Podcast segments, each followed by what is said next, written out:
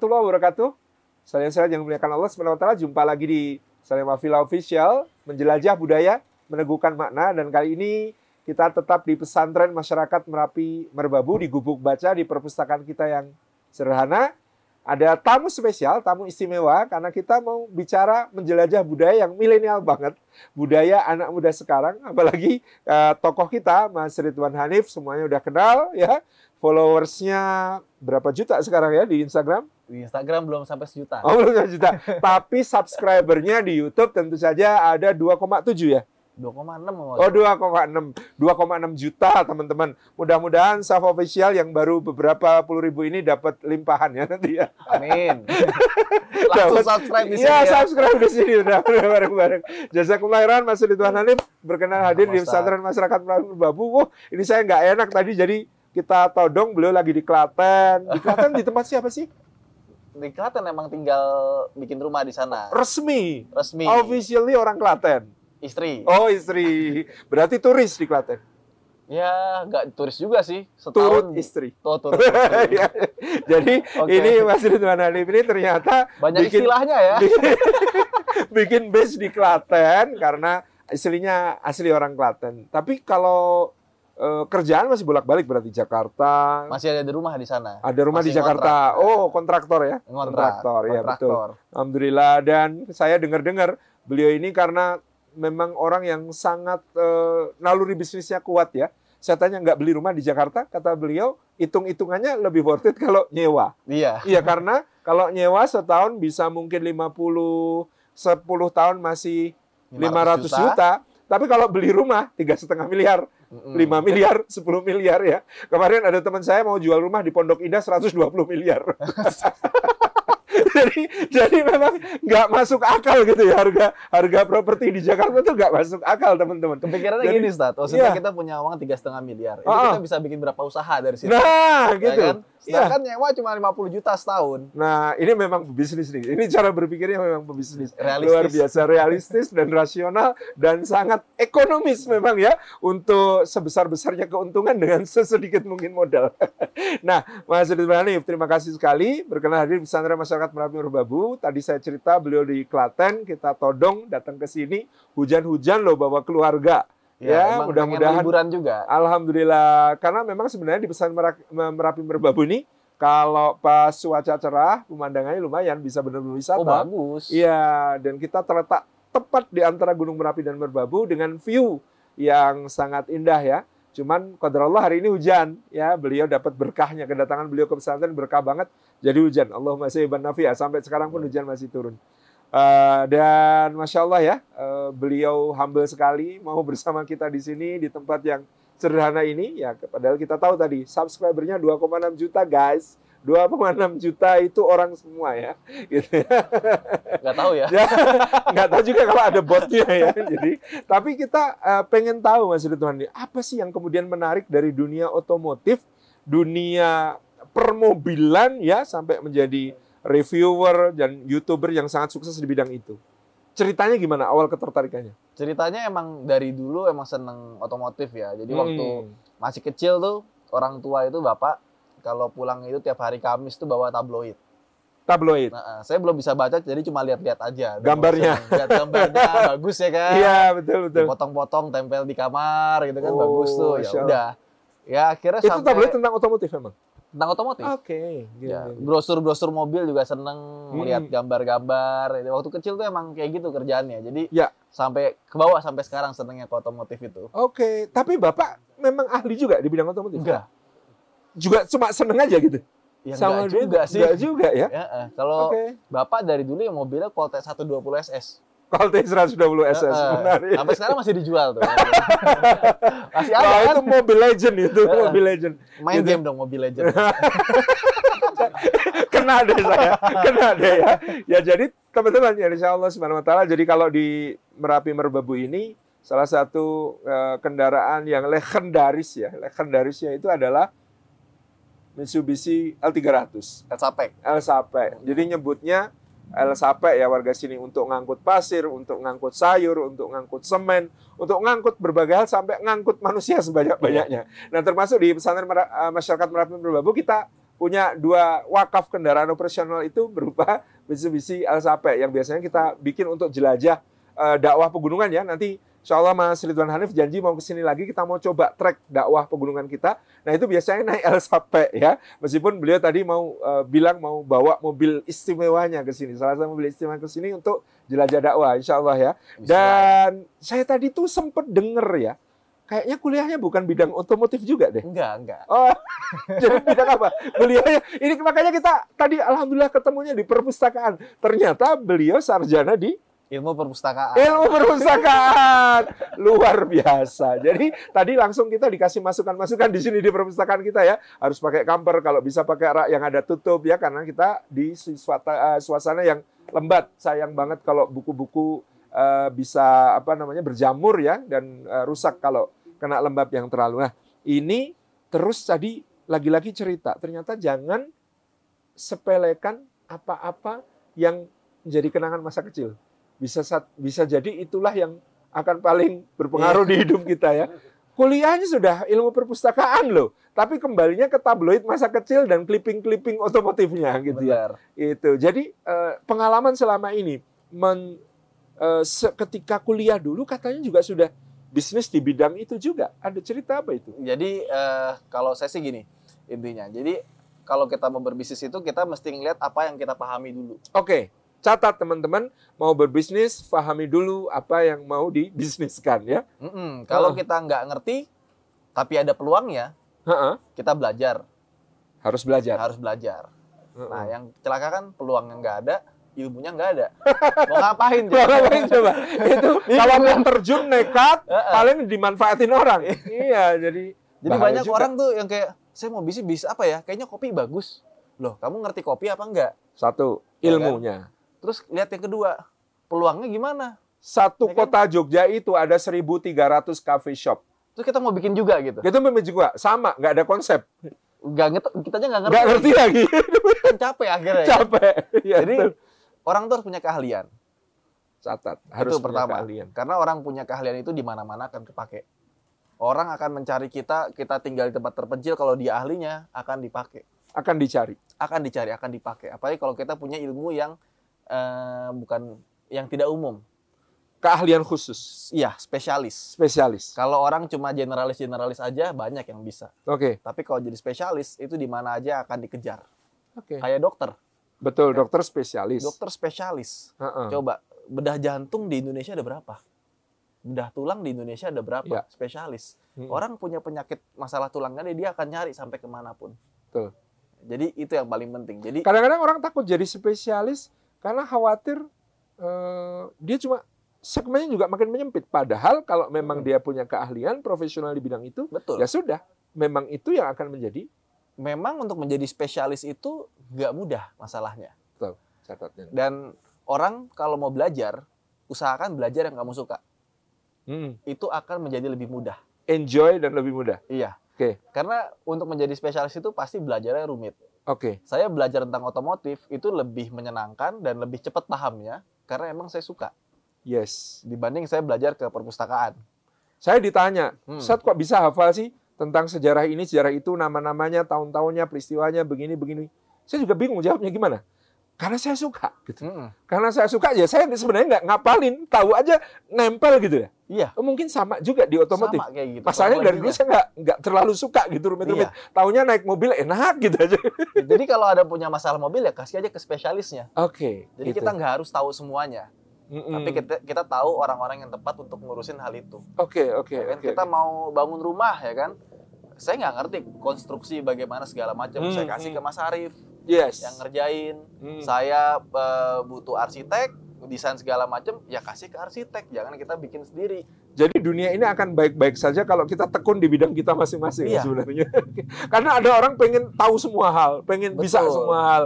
Kan padahal kalau kamu ingin jadi segala sesuatu, kamu nggak akan jadi apa-apa. Kalau kamu ingin menguasai segala sesuatu, kamu nggak akan dapat apa-apa. Kan Benar. itu ya prinsipnya. Jadi ah, ini penting banget teman-teman yang insya Allah Subhanahu Wa Taala menekuni satu hal yang menyenangkan bagi kita dan kita belajarnya serius, itu bisa menjadi sesuatu yang sangat bermanfaat bagi diri kita maupun orang lain.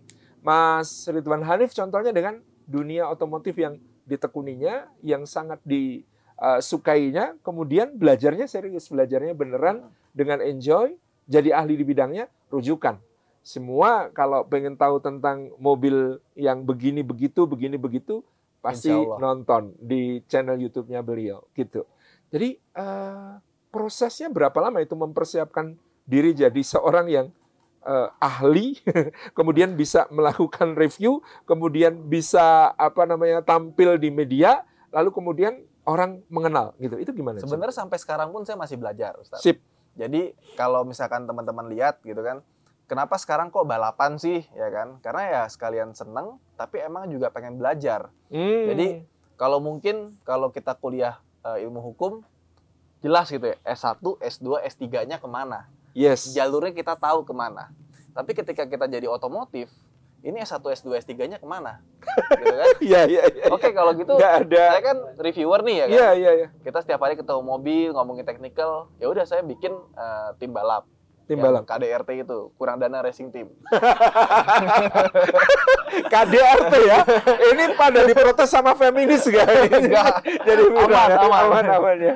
Nah, terus di sana kita bangun mobil sendiri. Saya bongkar sendiri, saya pasang sendiri, terus saya nyetir sendiri saya tuning sendiri ya tujuannya apa biar kita lebih paham lagi kita lebih ngerti lagi jadi kita jadi expert di bidang itu cakep ya memang jadi kalau sudah berspesialisasi pada satu bidang tentu akan ada challenge ya tantangan-tantangan yang harus kita ambil untuk menjadi makin makin in dengan apa yang selama ini sudah kita tekuni.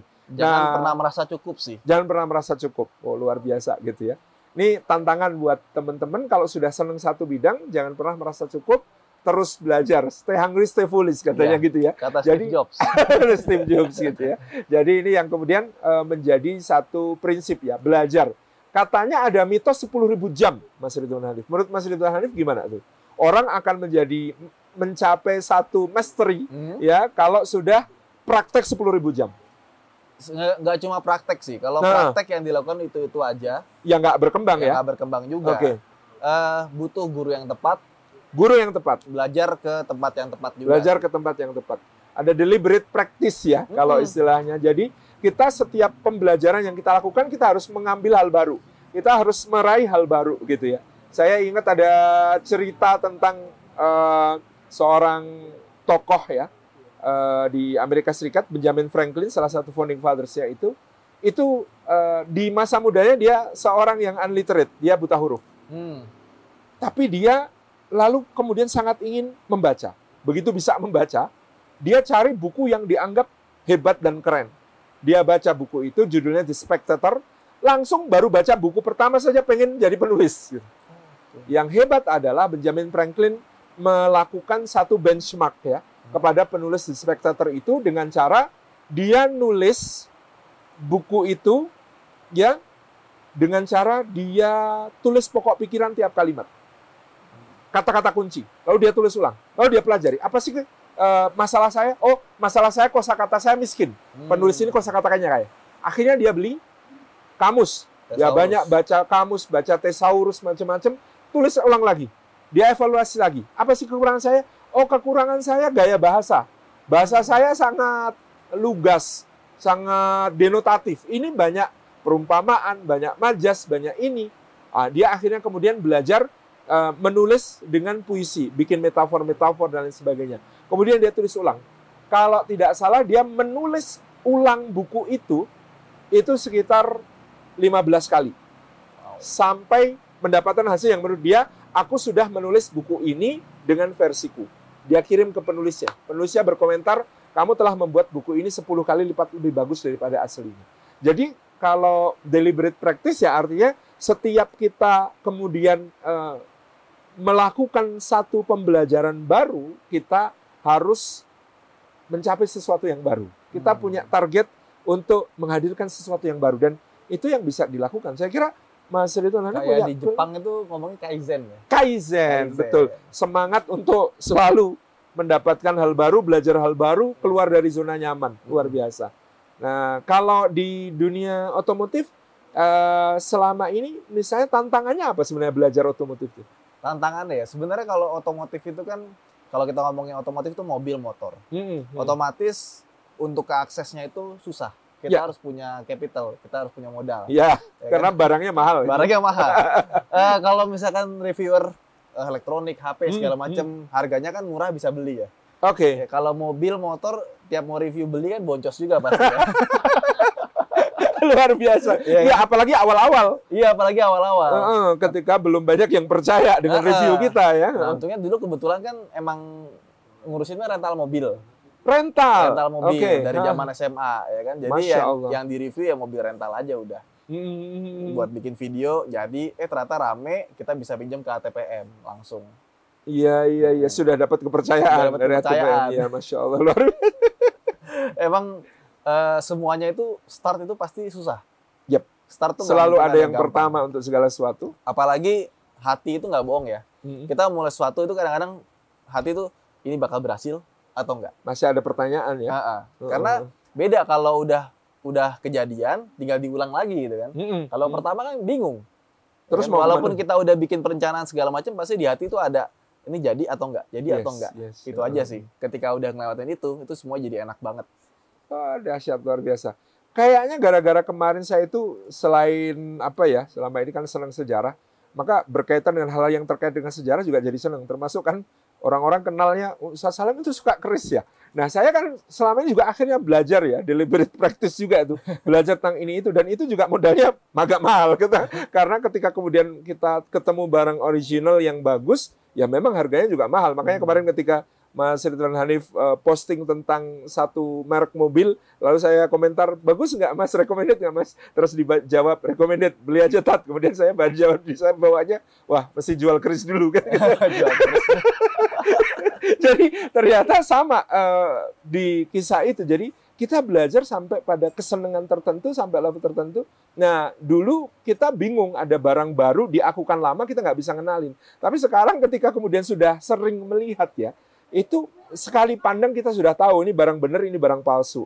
Ini barang zaman ini, ini barang era ini. Ini material era ini nggak mungkin dipalsukan dengan material ini. Ternyata sama di semua bidang ketika kita kemudian menekuni dengan enjoy, serius belajar, ya lama-lama ada mastery yang kemudian bisa kita capai gitu. Ada keris yang geter nggak, Stat? Gak pakai baterai. Ya, geter.